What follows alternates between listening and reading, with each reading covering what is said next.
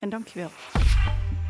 Tijdens de zevende editie zet Dutch Media Week de podcast extra in de schijnwerpers.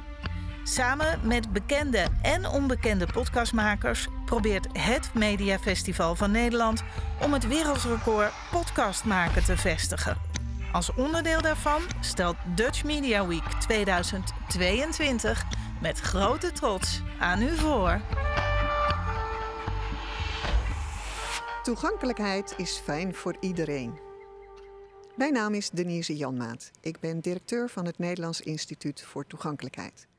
En het is me een eer en een genoegen om de Week voor Toegankelijkheid af te kunnen sluiten met uh, het maken van deze podcast bij de Dutch Media Week. Ja, het zijn allemaal toppers deze week. En ik zit in beeld en geluid in het prachtige gebouw hier in Hilversum. En ik mag daar uh, jullie meer vertellen over die week voor de toegankelijkheid, maar ook over toegankelijkheid in het algemeen. Toegankelijkheid is fijn voor iedereen. Ja, en vaak wordt het verbonden met het denken aan mensen met een beperking die met een rollator, een rolstoel, krukken, um, misschien met een tasstok lopen of een gehoorbeperking hebben. Maar eigenlijk, als je met een kinderwagen door het kruidvat moet, gaat tegenwoordig al iets beter, maar is het ook lastig. En toegankelijkheid ga je merken als een gebouw zo om je heen voelt dat het past als een jas. Dat je makkelijk je weg kunt vinden en ook makkelijk overal door kunt. Deze week voor de toegankelijkheid, ja, daar zijn zoveel initiatieven genomen door het hele land. Ik doe echt een heleboel mensen tekort als ik nu een paar dingen ga noemen. En dat doe ik toch, want er waren zoveel initiatieven. Zoals bijvoorbeeld in Den Haag de aftrap met Running Blind hè, voor de atletiek.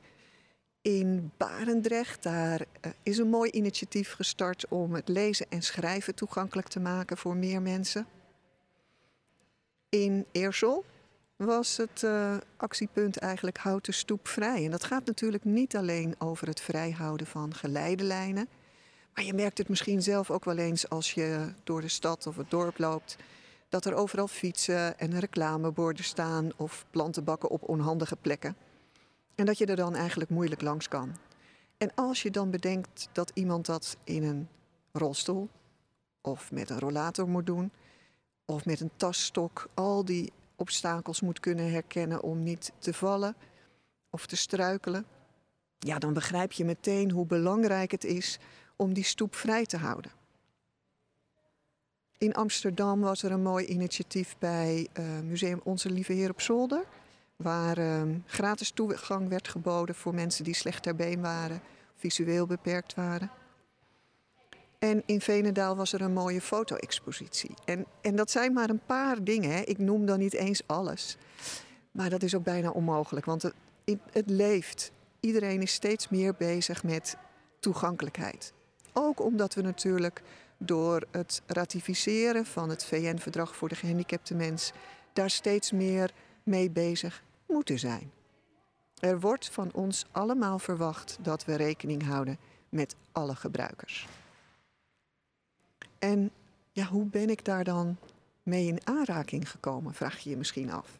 Jawel, ik ben directeur van het Nederlands Instituut voor Toegankelijkheid, maar dat is niet zomaar. In 1908, eh, 1993 gleed ik uit.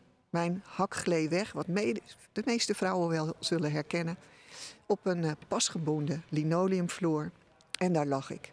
Ik landde op mijn billen en viel verder op mijn rug achterover.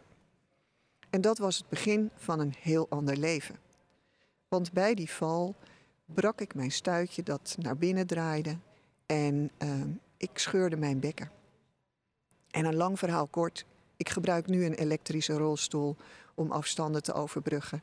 En uh, ja, ik, ik kan een hoop dingen niet meer.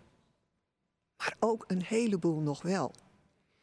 En wat mijn ervaring is, is dat je het beste kunt kijken naar wat nog wel kan. En daar heb je soms een beetje hulp bij nodig, omdat een gebouw misschien een beetje aangepast moet worden of de openbare ruimte wat aangepast moet worden.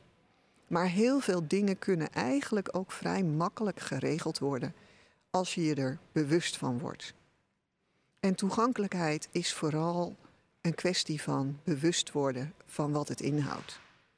En als je zelf te maken krijgt met een ouder of een kind of een vriend of vriendin die iets mankeert, al is het een enkel gebroken of een, uh, een arm gebroken, ik noem maar iets heel eenvoudigs, ja, dan merk je dat even een tijdje in een rolstoel zitten meteen duidelijk maakt dat niet alles even op rolletjes verloopt zoals je dat gewend bent als je normaal kunt lopen. En die momenten word je je dat even bewust en denk je, oh ja, zo zit het dus. Maar je vergeet het ook weer snel als je weer hersteld bent.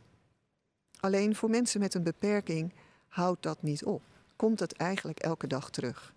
En we kunnen daar zo makkelijk een flinke bijdrage aan leveren om dat leven wat makkelijker te maken. Toegankelijkheid speelt overal. Laten we eens kijken naar je eigen huis.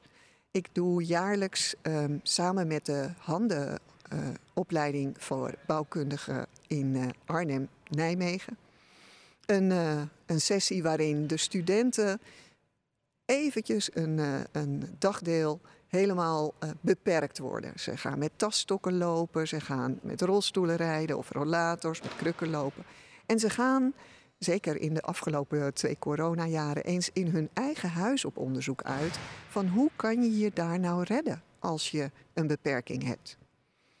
En dat is altijd een leuke sessie, doe ik altijd met veel plezier, omdat zij dan meteen al leren en meenemen in hun opleiding wat er eigenlijk allemaal nodig is om het toegankelijk te maken. Want ja, ga je eigen woning maar eens in dan ontdek je al snel dat als je met een rollator loopt, dat je bij de drempel al gaat nadenken. En als je in een flatgebouw woont, begin je eigenlijk bij de entree al na te denken. Van kan ik dat allemaal? Er zit misschien een dranger op de deur eh, van de entree waar je, ja, als je in een rolstoel zit of met krukken loopt, ja, dan krijg je die niet open. Dan zou er eigenlijk een automatische deuropener moeten zijn. En kun je makkelijk bij je brievenbus en als je dan bij je woning komt, hoe hoog is daar dan de drempel? Kan je dan zomaar naar binnen rijden met een rolstoel? Of zit daar een flinke drempel waar je ja, een oplossing voor moet zoeken? En hoe zit dat dan in de rest van je huis? Kun je overal komen met een rollator of met een rolstoel? Kun je je redden? Heb je genoeg ruimte in de badkamer bijvoorbeeld of in het toilet? Of wordt dat toch wel heel erg armoedig studderen? Niet elke woning is al helemaal aangepast. En echt, je zou eens moeten weten hoeveel mensen dat studderen een lange periode moeten. En het zou zo fijn zijn als dat allemaal in één keer goed kan. We zien ook dat dat kan als je daar vanaf het eerste moment van de bouw rekening mee gaat houden. En wat nu zo langzamerhand ook zichtbaar wordt, en in ieder geval wij merken dat bij het Nederlands Instituut, omdat we daarvoor gevraagd en uitgenodigd worden, dan zijn er woningbouwverenigingen die al in de ontwikkelingsfase van nieuwe gebouwen, nieuwe woningen, aan ons vragen om mee te kijken of zij aan alles gedacht hebben wat nodig is om te zorgen dat iedereen in die woning kan functioneren. En voor hen als woningbouwvereniging heeft dat ook het voordeel dat zij beter de woningen kunnen toewijzen. Hè, dus kunnen toewijzen aan degene die daar ook het meest profijt van hebben. Maar ook dat ze hun woningvoorraad goed kunnen verdelen. Zodat ook iedereen in de woning komt te wonen waar hij of zij het meeste ja, profijt van heeft.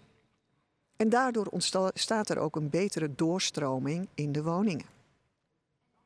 En als je bijvoorbeeld naar een vereniging van eigenaren kijkt, dan is het heel fijn als er duidelijkheid is over welke woningen in een complex goed toegankelijk zijn of welke misschien nog uh, iets beter aan een ander toegewezen of verkocht kunnen worden. Inzicht krijgen in de mogelijkheden voor elke doelgroep is gewoon fijn, want dan woont iedereen in de woning die bij hem of haar past. Speelt het dan alleen bij woningen? Nou nee, dat snap je ook. Het speelt veel, veel breder. Als je bijvoorbeeld kijkt naar de openbare ruimte, dan, ja, ik schrijf geloof ik al dit jaar tien jaar uh, elke uh, uitgave in uh, Straatbeeld, het magazine voor alle gemeenteambtenaren die te maken hebben met de openbare ruimte. En het kost me geen moeite om telkens weer een onderwerp te bedenken. En dat is aan de ene kant natuurlijk logisch, want het is mijn vak. Maar aan de andere kant zijn er ook telkens nog aandachtspunten die belicht zouden moeten worden. En waar ik dan aan denk en waar ik over schrijf, is bijvoorbeeld de bestrating. Kijk, als een tegel een klein beetje opwipt, heb je daar lopend, ja, kan je daar last van hebben als je een beetje schuifelt, maar meestal niet zo'n last van. Maar met je rolstoel of met je rollator kan het het verschil betekenen van voorover kukelen en over je rolstoel vallen, eh, of uit je rolstoel vallen of over je rollator heen vallen. En dan heeft dat meestal vervelende gevolgen. Lelijke letsels en in ieder geval veel meer pijn. Maar ook als we bijvoorbeeld denken aan de indeling van, een, van de openbare ruimte. Er wordt gesproken over shared space, hè, dus dat je in, in dorpen en steden een, geen verschil meer ziet tussen het trottoir en, en de weg, de rijweg. Dat dat mooi doorloopt, is prachtig om te zien. Maar de herkenning voor mensen die uh, slechtziend zijn of blind zijn, wordt een stuk lastiger. En het kan ook zo zijn dat je nou, mensen die een beetje moeite hebben met hun oriëntatievermogen ook niet meer precies herkennen waar ze nu zijn. Zijn ze op het fietspad? Zijn ze op de trottoir? Zijn ze op de rijweg? En dat kan natuurlijk ook vervelende gevolgen hebben. Maar denk ook bijvoorbeeld aan de toegang van gebouwen. Ja, het kan zijn dat daar een paar treetjes voor zitten. Bij dat mooie notariskantoor of bij het gemeentehuis of misschien wel ehm, de winkel ehm, waar je naartoe wil. En hoe wordt dat dan opgelost?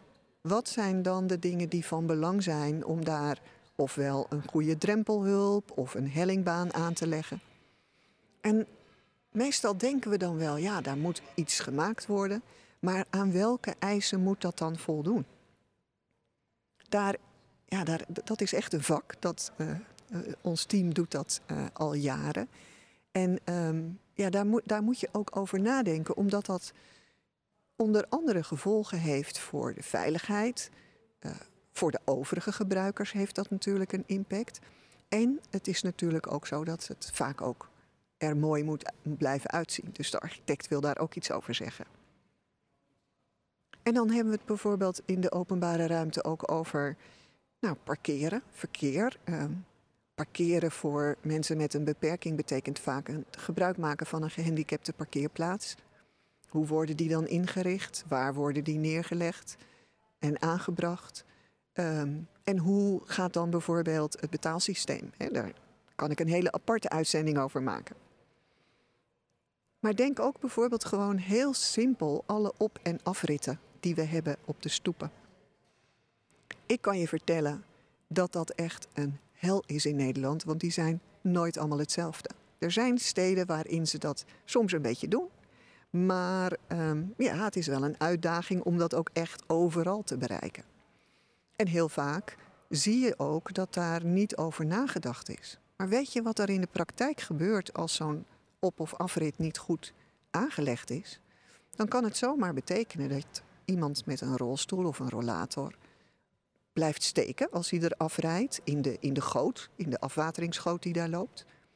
Of misschien wel omdat het een beetje steil loopt, veel sneller de weg op schiet dan verwacht was.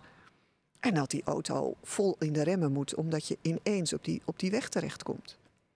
Het zijn allemaal dingen waar je vaak niet bij stilstaat. Hè? Je, je gaat achterloos je weg, uh, loopt zo'n op- en afrit op of af en denkt: oh ja, die ligt hier. Ja, logisch.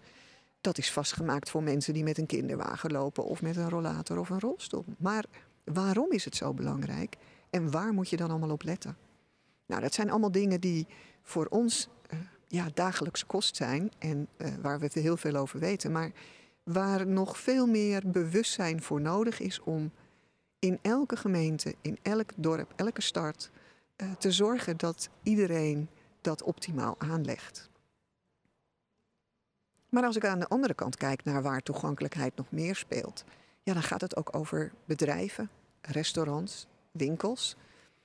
Weet je, je wil natuurlijk je medewerkers goed faciliteren. Je wil zorgen dat in je team er ook mensen kunnen werken met een beperking. Zodat iedereen een kans heeft om mee te doen. Hè? Want dat is onderdeel van wat toegankelijkheid inhoudt. Maar je wil natuurlijk ook zorgen dat je bezoekers op een zodanige wijze worden ontvangen. Ja, dat iedereen weet. En iedereen je kan vertellen: oh, daar kun je naar binnen, daar kun je parkeren, daar kun je uh, makkelijk naar het toilet, want daar is een aangepaste toilet gemaakt. En eigenlijk zou dat gewoon standaard overal zo moeten zijn. Ik weet zeker dat als er mensen luisteren die een beperking hebben, denken: oh, als het zo zou zijn dat iedereen dat zomaar wist, wat zou dat fijn zijn. En dat is te bereiken als we ons daar allemaal een beetje voor inzetten. Want weet je wat, ik vind het altijd een heel mooi voorbeeld. Dan komt er een, een nieuw restaurantje bij ons in het, uh, in het dorp bijvoorbeeld. En dan zeggen vrienden: Oh joh, we hebben daar al twee keer gegeten. Gaan jullie mee uit eten? En mijn eerstvolgende vraag is dan: Kan ik daar naar binnen?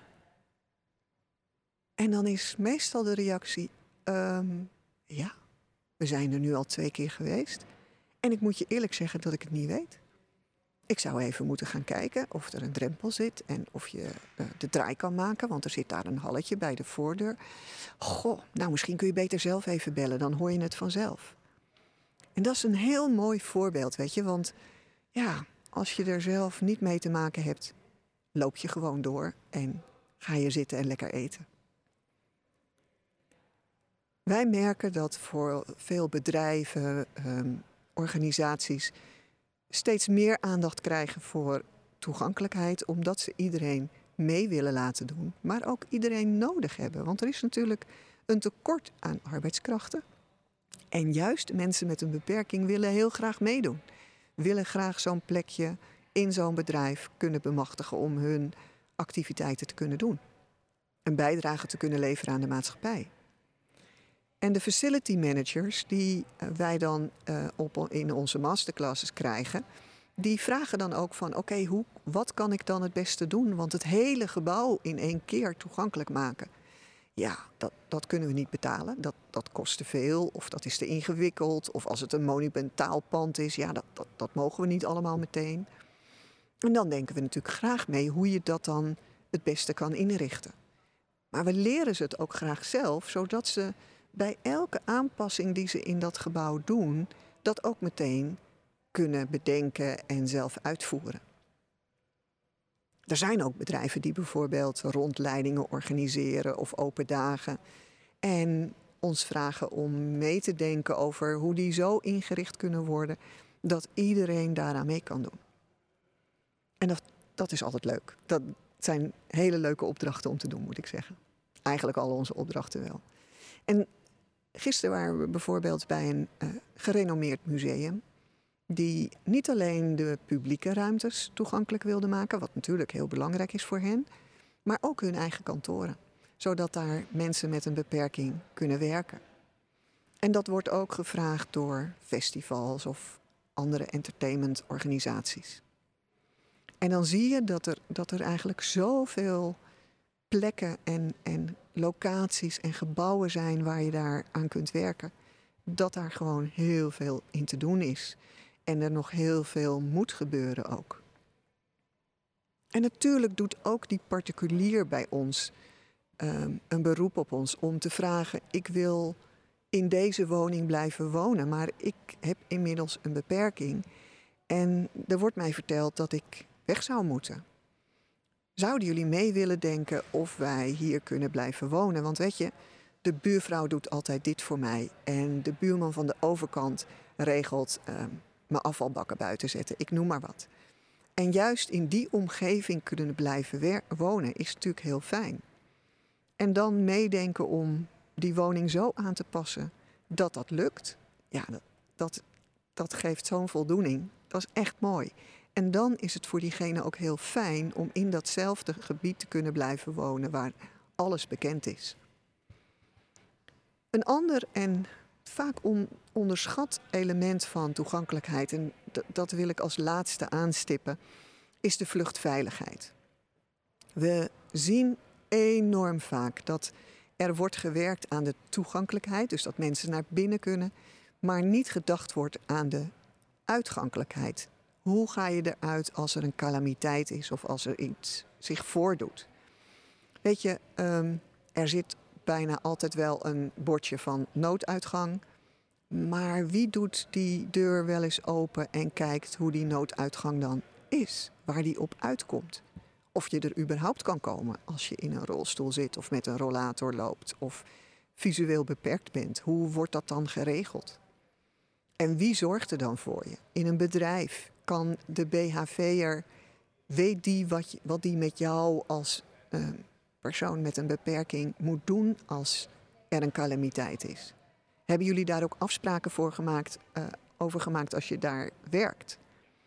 Die vluchtveiligheid, en we hebben het echt, we zien het bij elke toetsing die we doen, is zo belangrijk. Want ik heb het zelf meegemaakt bij een, uh, een situatie in de Westergasfabriek, waar keurig een briefje bij de lift hing bij brand. Als je een beperking hebt, hier blijven wachten, dan komt de brandweer je halen.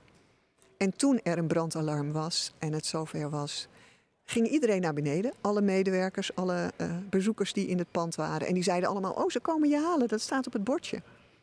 En het pand werd leger en leger. En ik stond op de derde verdieping bij de lift te wachten in mijn rolstoel. En toen kwam er niemand. En heb ik uiteindelijk de brandweer moeten bellen of ze mij wilden komen halen. Ja, en dat zijn die momenten die je natuurlijk niet wil. En dan heb ik in een notendop even geschetst wat toegankelijkheid is. En dan weet je gelijk waarom deze week voor de toegankelijkheid zo belangrijk is. Want weet je, als je, als je geen idee hebt wat je daar allemaal mee moet doen, ja, dan snap ik dat heel goed. Want je hebt er niet dagelijks mee te maken. En voor al die professionals en voor al die mensen die vrijwilliger zijn en iets willen doen aan toegankelijkheid, ja, daar zijn heel veel mogelijkheden in het land bij ons om cursussen of masterclasses te volgen, maar in het land ook bij gehandicapte platforms of andere groep, groepen die in een dorp of een gemeente zich inspannen om de toegankelijkheid te bevorderen. Vraag hen, zij zijn ervaringsdeskundigen en kunnen ook onze uh, professionele hulp inroepen op het moment dat dat gewenst is. In ons team hebben we architecten, bouwkundigen, ergotherapeuten, WMO-consulenten, logistieke managers die alles weten over hoe je zo'n pand inricht en routes maakt. En uiteraard brandveiligheidsexperts. Benut alle kennis die er is. En ik hoop dat ik, dat ik jullie warm heb kunnen maken om die week van de toegankelijkheid een heel jaar te laten duren.